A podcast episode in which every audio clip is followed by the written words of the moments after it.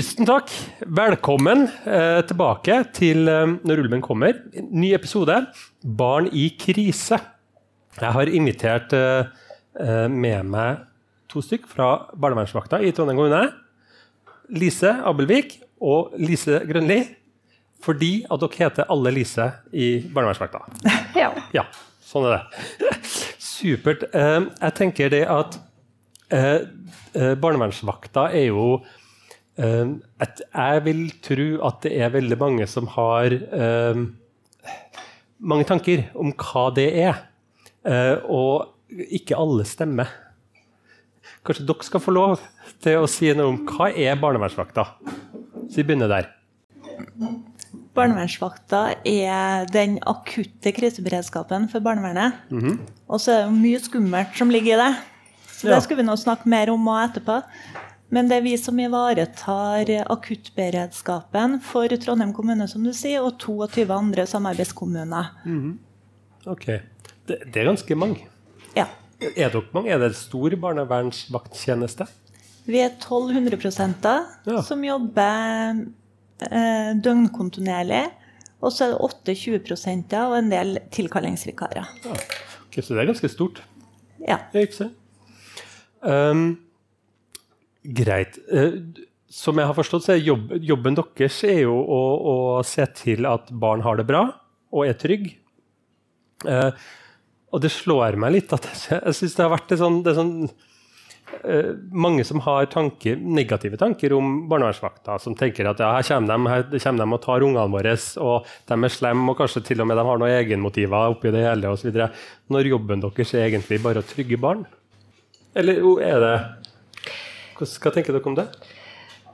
Ja, jeg tenker at det er mange teorier om hva barnevernet gjør og ikke gjør, og, og de forskjellige tingene der. Eh, men vi prøver jo å Jeg vil tenke at vi ikke så ofte er i konflikt med foreldre som man, det fremstår hvis du leser i avisa f.eks. Opplever at de, de, aller fleste gangene vi er i kontakt med familier, så har vi ganske godt samarbeid med dem. Mm og spiller på lag og blir veldig enige om, eh, om hva som skal skje og ikke skje. Ja. Veldig mange av de sakene vi er inne i, så er det jo foreldre eller barn som ringer til oss sjøl. Ja. Så det er òg inngangen i mange saker. Eh, og målet vårt er jo å trygge ungene og skape samarbeid i, rundt ungene. Og vi er veldig åpne på det i forhold til foreldrene når vi kommer inn òg. Så det at det er litt av jobben med å komme inn til en familie i en akutt krise, det er også det å skape samarbeid. Ja. Ja og det får dere til? Lise, kan jeg si litt om det? jeg tenker at vi ofte gjør det. ofte, Og med utgangspunktet så kan det høres ut som det ikke ligger noe grunnlag for å få til å gjøre det. Men jeg tenker vi spiller, prøver så godt vi kan med å være veldig åpen og, og ærlig på hva, hva, er grunnen til at vi er her, hva er det vi er bekymra for, hva er det som gjør oss bekymra nå som vi er her, hva er det vi er nødt til å finne ut av sammen. Eh, og, med, og det er vi til ungene òg, til både voksne og barn. Eh, og det gjør at kanskje også så tar vi ting litt ned. da, At det er litt sånn oppi der når vi kommer, men så landes det ned at det trenger ikke å være så farlig. At vi ønsker å finne en løsning som blir OK i først og fremst for ungene, men også for foreldrene. Ja. Og så er det jo det, Vi kommer jo i en akutt krise. Vi blir jo kalt ut enten av politi eller andre, og da er det jo en krise. Så familien sjøl vet jo at de står i en krise, de har det vanskelig. Eh, så det at, det at det kommer inn noen og vil hjelpe dem ut av den til det beste for ungene, det er òg vår inngang i forhold til å få til et samarbeid. Jeg bare tenker Det, kreve, det krever mye av mange. Altså sånn, jeg bare vet det at jeg, jeg, er ikke så rimelig da, når jeg er i mine kriser. Uh, og, det krever, og, det krever, ganske mye av dere òg, som da må stå i det der og, og tåle, tåle, mye av den frustrasjonen. Og, både fra foreldre, kanskje, men også fra barna sjøl. Det vi ser at roer situasjonene ofte, det er at vi er veldig tydelige på hva vi ser og hva vi gjør. Så det at vi benevner veldig mye hva det er som er rundt oss, og det er med å få ned eh, stressmomentet til foreldrene òg. Vi er kjempetydelige på at OK, nå ser du ut som at du er rusa. Eh, det er knust ting her. Eh, hvordan vil det her være for barnet deres? Og så prøver vi å få fokus over på ungen. Ja, okay. Og litt det du sa òg, med at du sier at du ikke er så rimelig når du er i en krise. Så sette ord på det, at nå, nå er du faktisk litt vanskelig. Nå må vi prøve å se litt utfor akkurat hva du står fast på. Og det er jo at noen må liksom snu det mot seg sjøl og tenke OK, kanskje er jeg ikke det, kanskje må jeg endre litt. Og det funker, da. Det, syns det er veldig mye som i utgangspunktet høres skummelt ut å sette ord på, men så blir det ikke så farlig å si det likevel. Det er bedre å si det enn å uh, gå og tenke det, da. Men hvordan får dere vite om de her sakene? Så dere, dere oppsøker jo ikke det sjøl. Noen må jo fortelle dere hva som foregår. Eller hvordan fungerer det? Det var litt sånn Lise sa, at veldig mye, mange både barn og voksne tar kontakt sjøl, men de helt sånn akutte krisene er det oftest politiet som varsles varsler oss om. Men da er det gjerne foreldre sjøl som har ringt. Eh, vi snakka litt om hva på en måte fire overskriftene på, eh, på type hendelser som barn til å rykke ut på. Da er det eh, snakk om vold i nære relasjoner. Eh, konflikt, rus eller ungdom som unndrar seg hjemme. Det er på en måte de fire som er. Eh, og veldig ofte så er det barn eller foreldre sjøl som har varsla fra om at de enten blir utsatt for vold, eller ja, noen ganger kan det også være andre som observerer det. da. Naboer kan jo ringe noen ganger. og ja. Ja. Det kommer an på situasjonen. OK. er det ofte at dere kommer til et hjem eller rykker ut og så viser det seg at det er noe helt annet enn dere ble forespeila? Er, er, det ofte at det blir litt sånn haussa opp, og så kommer dere med, med, med sirener og, og, sånn, så viser det seg at det er jeg vil på å si det at vi får, eh, Når det er store kriser, så får vi beskjed fra politiet. Ja, okay. Eh, de rykker jo ut med blålys, mens vi kjører ordinært. Så de vil jo komme før oss mm. til plassen. Eh, og da vil jo de kunne avklare en del ting, så vi har jo en del dialog med patruljen på veien og møter nå patruljen på forhånd. Så sånn sett så vet vi jo hva vi møter når vi kommer dit, i og med at politiet er der først. Mm. Eh, men det kan jo godt være det at eh, vi blir usikre på hva, hva som er hva. Det trenger ikke å være så veldig tydelig om det er rus eller om det er vold. Det kan jo hende at vi ikke greier å finne ut av det mens vi er der. Eh, rus er heller ikke lett å se. Men det er noe med hvordan er situasjonen for ungen sånn som det er akkurat nå. Ja, og det, Ofte finner jo ikke ut egentlig hva som har skjedd, for det er jo den ene sin historie og den andre sin historie, og kanskje den tredje sin historie, men også det hva har egentlig skjedd, og det som har skjedd kan jo også oppleves forskjellig. Men det jo, vi prøver å ha fokus på på barnevernvakta kontra barnevernstjenesten, er jo akkurat det som har skjedd her og nå. Hvordan kan vi løse det som har skjedd nå? For en uh, krise eller en hendelse som har skjedd, er gjerne litt større enn akkurat det som har skjedd den kvelden eller natta. Den har, har kanskje pågått over tid eller har flere elementer i seg, men det er noe å sortere ut. Nå må vi få landa så det blir greit akkurat her og nå for ungen eller ungene deres. Mm. Mm. OK. Um, men de her ungene, da? som dere møter. um, episoden heter 'Barn i krise'. Og, og, dere møter jo de her barna i krise. Hvordan, hvordan opplever dere dem? Er det stor variasjon i ut, uttrykkene, eller er det Det er veldig stor variasjon i uttrykkene. Jeg vil på å si Alle ungene reagerer veldig ulikt. Eh, og vi får jo noen ganger beskjed av foreldre at ungene har sovet. Så de er ikke våkne. Eh, vi opplever jo, vi ber alltid om å få se ungene. Eh, og vi opplever jo mange ganger at ungene er våkne. Eh, og så har vi snakka litt om det som preger mange av ungene, det er jo det at de er redde.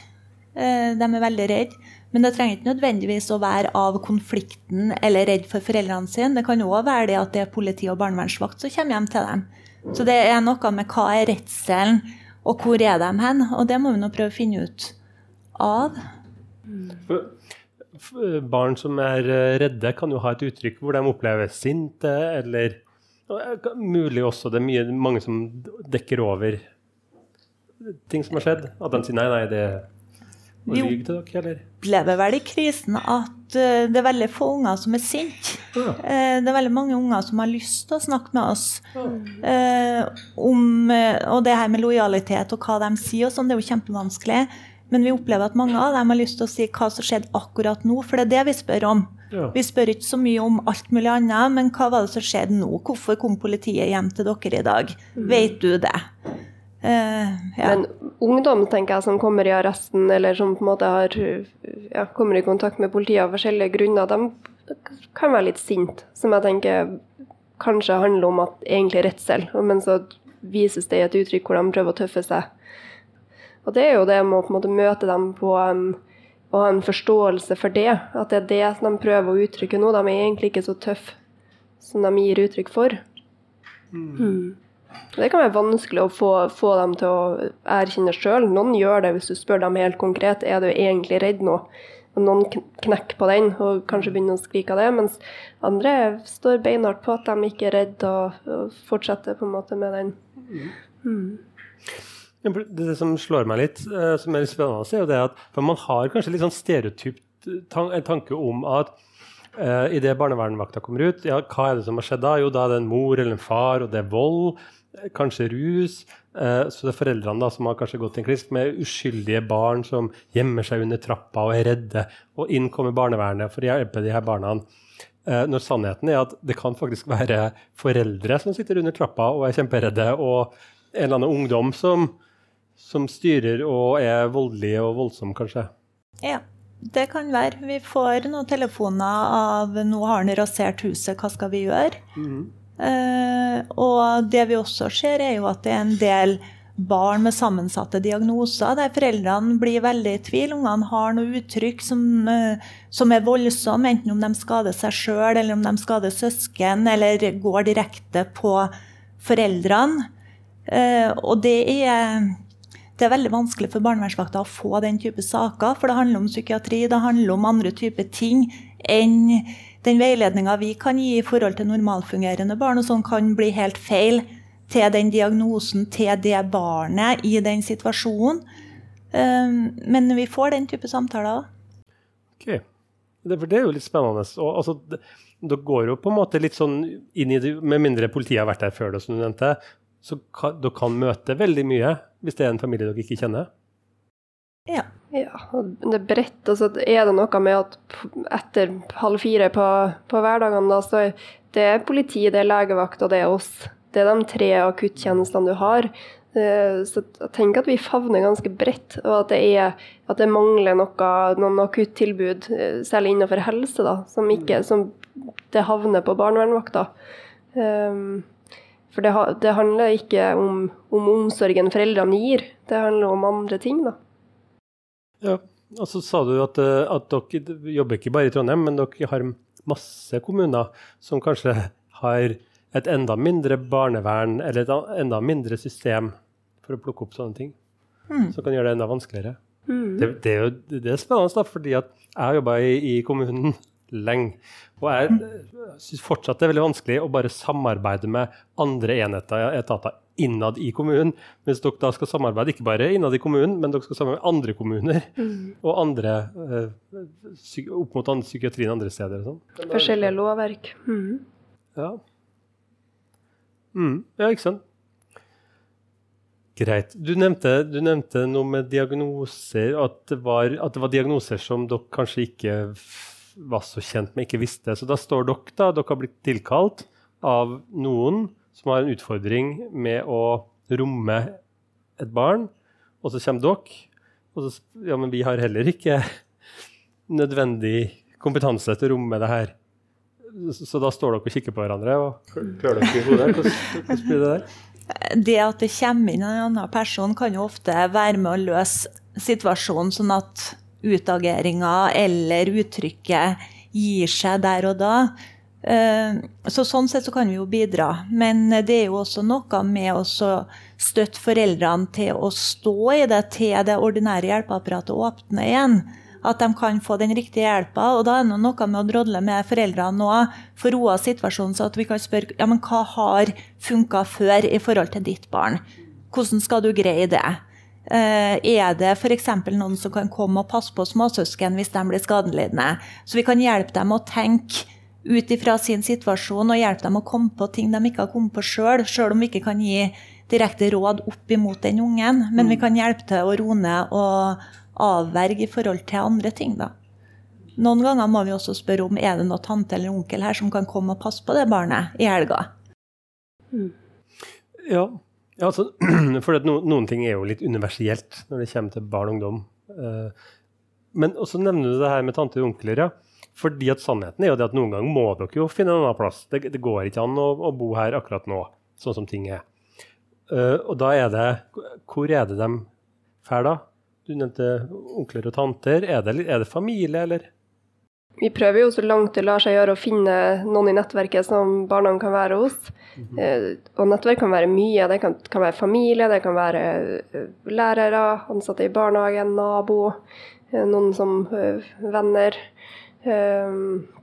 Og så er det jo noen tilfeller hvis du har berusa foreldre, at man kan komme til en løsning hvor foreldrene kan, kan, dra. Eller den ene forelderen, hvis det er den ene forelderen som, som man tenker ikke kan være der.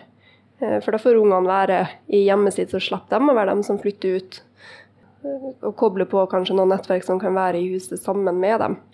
Og det er jo litt spennende, for når vi kommer dit, så er jo foreldrene ofte enig i at eh, det her går ikke, vi er nødt til å finne på noen andre løsninger. Og da er det jo litt sånn i forhold til å utfordre foreldrene på men hvem kjenner ungen? Hvem kan komme på kort varsel nå på natta? Og kan de ringe dem og spørre? Eh, om de kan komme og den type ting. Så det der er når vi kommer så langt at et barn trenger noen andre til å passe på seg, om det nå er i natt eller om det er for helga, så er det ofte, og aller fleste gangene, så er det til folk som eh, enten foreldrene har kommet på, eller barnet sjøl har kommet på. Dere får, det til å høres så enkelt ut. Ja, vi, kom, vi, kommer til en familie hvor det er masse rus, og der står foreldrene klar, vær så god, her er mitt barn, og her er min onkel. Er det, er det opplever, Blir dere, når dere da er i et hjem eller jobber i en sak, er det sånn at dere, er det mye jobb, opplever dere? Blir dere lenge? Er sånt besøk lengevarende? Jeg tenker at det er en lang prosess som gjerne går over noen timer, men man må jobbe effektivt på kort tid. For at hvis ting skjer kanskje sånn ellevetida på kvelden, så har du et ganske sånn kort tidsrom hvor, hvor, folk går og legger seg, hvor det er vanskelig å få tak i nettverk. Mm, ja. Eh, så også tenker jeg at det er noe med å sjonglere flere baller samtidig og tenke litt hva eh, Vi vet ikke helt hva løsningen her blir, men kan vi på en måte ringe bestemor og få henne hit åkke som? Det er ikke sikkert mm. hun skal være her, men kanskje hun kan komme likevel å være her en time, så får vi se om hun skal være her hele natta, eller om ungene skal bli med henne hjem. Uh, men prøve å tenke litt kreativt på sånne ting før man uh, låser seg til ett spor, da. Mm. Men jeg tror nok at mye av den jobben vi gjør når vi kommer inn til familiene i forhold til å være veldig åpen på hva vi ser, hva vi tenker, gjør til at foreldrene òg blir med på den. At vi sier at vet du, nå ser vi at du er ikke i stand til å passe på ungen din. Her må vi tenke noe annet. Det er mye lettere å være med på den etter. Og så er det noe med at uh, når vi er rolige, og så greier vi å høre på Vi er veldig opptatt av å høre historien til mamma, høre historien til pappa, høre historien til barnet. Gjerne hver for seg, for det er ofte veldig ulike historier. Mm. Og så er det noe med Men hva er viktig nå? Eh, som du var inne på, vi tar ikke hele konflikten. Det at det var en skilsmisse i 2017 og en eksdame der, det, det stopper vi. Nå snakker vi om hva skjedde i natt, hva er grunnen til at vi kom i natt. Og så greier vi å holde fokus på det og løse det.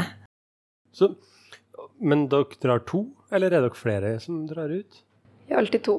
Alltid to? Mm. Og kanskje flere? Eller to? Det er sjelden mer enn to, men det kan noen ganger at vi har vært tre. Ja, okay. Vi er maks tre på jobb, da. Ja, ok. Mm. okay så, det, så, det, skal ikke, det skal ikke være mer enn to, to saker samtidig i, den, i fylket vårt? Før det blir vanskelig. Vi får til å kalle inn litt ekstra folk ved behov. Ja. Og veldig mye løser vi på telefon. Ja. Ja, ja, så det at om to drar ut og én sitter igjen hjem, så er det veldig mye som er løsbart på telefonen, også oppimot foreldre som sliter i forhold til hva skal jeg gjøre med det barnet her, mm. eh, og den type ting. Så det at eh, veldig mye løses sånn, og så noen ganger må vi kalle inn flere. Jeg sitter, jeg sitter igjen med en sånn tanke om at dere, dere blir tillagt en del sånn eh, kanskje uedle hensikter, men dere blir jaggu tillagt en del sånn eh, kompetanser og en del ting som dere kanskje har litt vanskelig med å leve opp til. Da. At dere skal fikse alt. Og, eh, du nevnte det her med diagnoser sånn i stad. Så, så det, er, det, er, veldig mye forventninger alle veier, egentlig. Mm. Ja. Så vil jeg jo tenke også de her løsningene som vi får foreldrene med på, sånn også, så tenker jeg at vi skal jo være bevisst at vi har en en type makt òg, som nok foreldrene òg er ganske kjent med. at så Det vil nok være med på at de er litt mer fleksible på å finne en løsning. Ja. De fleste vet at det har konsekvenser, Ja. og ikke finne en god løsning sammen med dere. Ja, Ja. tenker jeg. Og så er det òg det med barnevernsvakta, for vi er opptatt av å finne løsninger som holder på kort sikt. Så det skal være godt nok på kort sikt. Det er ikke sikkert at det er det på lang sikt. Det kan godt hende at det er andre tiltak, andre ting som må inn på lang sikt, men vi er opptatt av hvordan skal vi løse det her og nå. Mm. Ok, Så dere, dere slukker brannen, og så tar du kontakt med det lokale barnevern, Ja. som følger opp videre. Første virkedag etterpå så informerer vi om det okay. til lokalt barnevern, som tar tak i andre ting. Men da er jo òg det akutte lagt seg. Men um, dere kan jo ikke redde verden alene. Uh, selv, om- selv om dere er i god gang. Eh, Så tenker jeg det at hvordan, altså, kan vi være, vi som samfunn, vi som, vi som naboer og fotballtrenere og lærere, og hvordan kan vi være med her da, og bidra i forhold til de her barna dere møter? Jeg tenker at alle, alle kan bidra med å være litt den gode, gode nabokjerringa. Til å se barna, snakke med barna, være en trygg voksen for barn man, man har en relasjon til, så de har noen voksne og de kan gå til hvis, hvis ting er ugreit. Um, Ja, eh, jeg tenker jo det at eh, det er noe med hvilken relasjon har du til de ulike ungene, og ut ifra det òg. Men eh, det er nå det med å se unger. Jeg syns jo det var så god den du, ungen du traff på OBS. Jeg tok et sånt eksempel på jeg var på Ops her om dagen, så sprang, kom det springende en unge ned som, som skreik. Og sprang forbi masse voksne. Ingen som på en måte huka tak i den ungen. Eh, Så jeg gjorde det, og det viste seg at den har mista foreldrene sine. Så den trenger bare noen som hjelper den ungen til serviceskranken, som får ropt opp mammaen eller pappaen. Og det, det må tørre, for jeg tror at det sånn som samfunnet utvikler seg, så er det litt sånn skummelt å snakke til fremmede barn. Man skal ikke ta på andre sine unger og korona og alt som er, liksom. Men det må faktisk tørre til å være et medmenneske, da. Ja, ja ikke sant? Unger og kanskje voksne òg, Ja. og, si, og si fra. Mm. Um, ja, for man ser, man ser mye rart i butikken. ja. uh, ja, ikke sant? Sånn at, ok, Så, så vi, skal, vi skal være litt tøffere med å også tørre å snakke med unger vi møter, som vi ser kanskje ikke har det så bra. Og Ja. kanskje også gå litt inn hva, Skal vi gå inn da, og korrigere voksne i oppdragelsen på gata fordi vi syns at det her ikke var helt greit, eller? hvor- Jeg holdt på å si, Der må man jo vurdere eh, både hva som er. Er det en voksen som du ser slår et barn, så har du jo en avvergeplikt. eh, så det at det handler nå om helt andre ting. Eh, men det er jo noe med å bry seg. Det å tenke er det her greit? Eh, og så har jo alle en meldeplikt. Eh, hvis du er bekymra for et barn eh, som du da kjenner litt mer enn når du bare ser den på lekeplassen. Men samtidig, hvis du ser et barn Vi har jo fått noen meldinger på svært små barn som har vært helt alene på lekeplassen klokka åtte, og så ble det klokka ni, og så ringer de og lurer på hva skjer her, nå er klokka halv ti, det er ingen som har henta den her ungen. Da ringer man til politiet eller barnevernsvakta. Og jeg tenker Sånn type ting er viktig å være obs på og se. Og samtidig, hvis man lurer, så kan man ringe til barnevernstjenesten og be om drøfting. Anonym drøfting. Vet du, jeg kjenner det og det barnet, er bekymra sånn og sånn. Er det riktig å være bekymra, eller er det ikke riktig? Og så vil du få veiledning i forhold til hvordan du kan håndtere det videre. Du, det, og det tenker jeg kan være et godt tips, for det er jo de som sier altså Jeg har jobba inn mot f.eks. skoler, hvor jeg har sagt ja, men du må melde deg.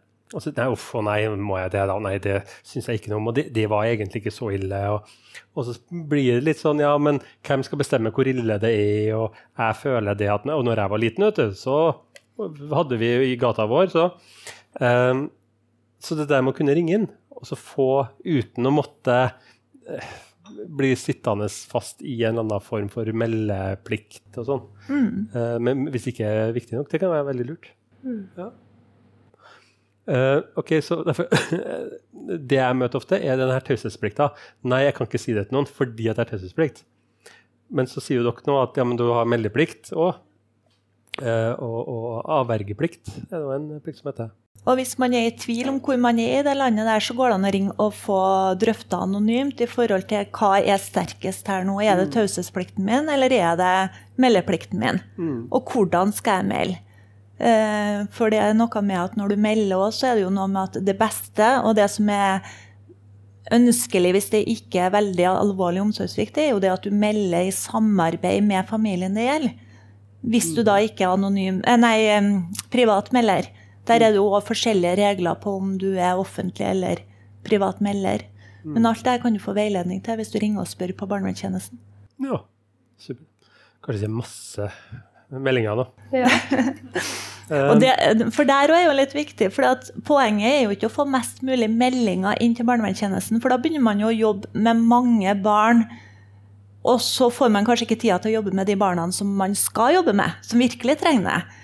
Og der òg er det litt lurt å drøfte i forhold til no, hvilke barn blir det riktig at skal, barnevernet skal inn i. Mm. Det er ganske alvorlig at barnevernet skal inn, og da må det være de riktige barna. Ja, vi har jo snakket, Det er jo en serie, det her med program, og jeg har jo snakka litt om det før som samfunnspsykolog. Det her med uh, alle barn er alle voksnes ansvar. Uh, og så er jeg veldig enig med veldig mye av det dere sier uh, i forhold til det med å ta ansvar. og og jeg er litt sånn skeptisk til individualiseringa av tiltak. Altså, vi, Nå er jeg litt på deres lag, da, sammen. Vi som jobber i barnevernet. Um, altså sånn, vi skal jobbe de vi, vi skal møte og jobbe med og hjelpe de som faktisk trenger det. Uh, og så, og så er, har vi et felles ansvar i bunn til å ta vare på våre barn. Mm. Hvordan, er, hvordan er det å jobbe i barnevernsvakta? Altså, jeg, jeg, tenkte at Det må jo være helt forferdelig, og det er bare kjeft å få hele tida. Og, og, hyling og skriking og jobbe på natta og uff, uff. Men dere har fått det til sånn, litt sånn ålreit ut. og Dra hjem og lage gode avtaler med folk. Og, ja. Er det sånn? Jeg syns jeg har verdens beste jobb. Jeg syns det uh, Vi har godt uh, gode kollegaer rundt oss, uh, variert. Man opplever mye. Og syns òg at når man jo, har jobba barnevernstjeneste før, hvor du måte, står i de konfliktene over tid. Det kan være ganske eh, tungt som fagperson. Jeg syns at det er det med å fære på de akutte tingene, fordi om det kan være sterkere inntrykk, så er det litt eh, For min del føles det mer meningsfylt. Jeg føler at vi ofte noen gang får til å gjøre en forskjell for noen barn. Håper jeg i hvert fall, da. Mm. Men samtidig så tenker jeg, for det som er litt viktig, er at eh, på barnevernsvakta er du nødt til å like det uforutsigbare. For du aner ikke når du kommer på jobb, hva du skal gjøre. Det, det er noe med at du aner ikke som, når telefonen ringer, hva som skjer. Uh, om du skal dra eller ikke dra. Og det er jo litt som vi snakka om i stad, at veskene er jo fylt med PC og alt det her, men også med mat og en del sånne ting. For vi vet ikke hvor lang tid vi blir borte når vi kommer tilbake. Eh, slutter på jobb klokka halv elleve, men er du på Røros klokka ti, så er du på Røros klokka ti. Så det, det uforutsigbare, det må du på en måte takle, og det tenker jeg at eh, preger nok en del av dem som jobber på barnevernsvakta, at man liker det uforutsigbare. Jeg ser for meg hvordan jeg hadde vært i barnevernsvakta. Når jeg kjørte til Røros før vi kom ut til Haltdalen, så jeg spist opp alle maten. Og bare kjemper i det. Det går, det kommer til å dø. Ja. Jo, men ja. Nei, så det må være en liksom bestemt type eh, egentlig og, Eh, for, for, å kunne trives, høres det litt ut som. Det med å tåle uforutsigbarhet og Være i beredskap hele tida. Ja. Mm. mm. Supert. Tida begynner å, å gå fra oss. Um, temaet var barn i krise, men vi fikk nå snakka egentlig om, om, veldig mye, føler jeg. da. Uh, det her er jo en, uh, som jeg sa, en, en uh, episode i en lang serie på Trønder-TV.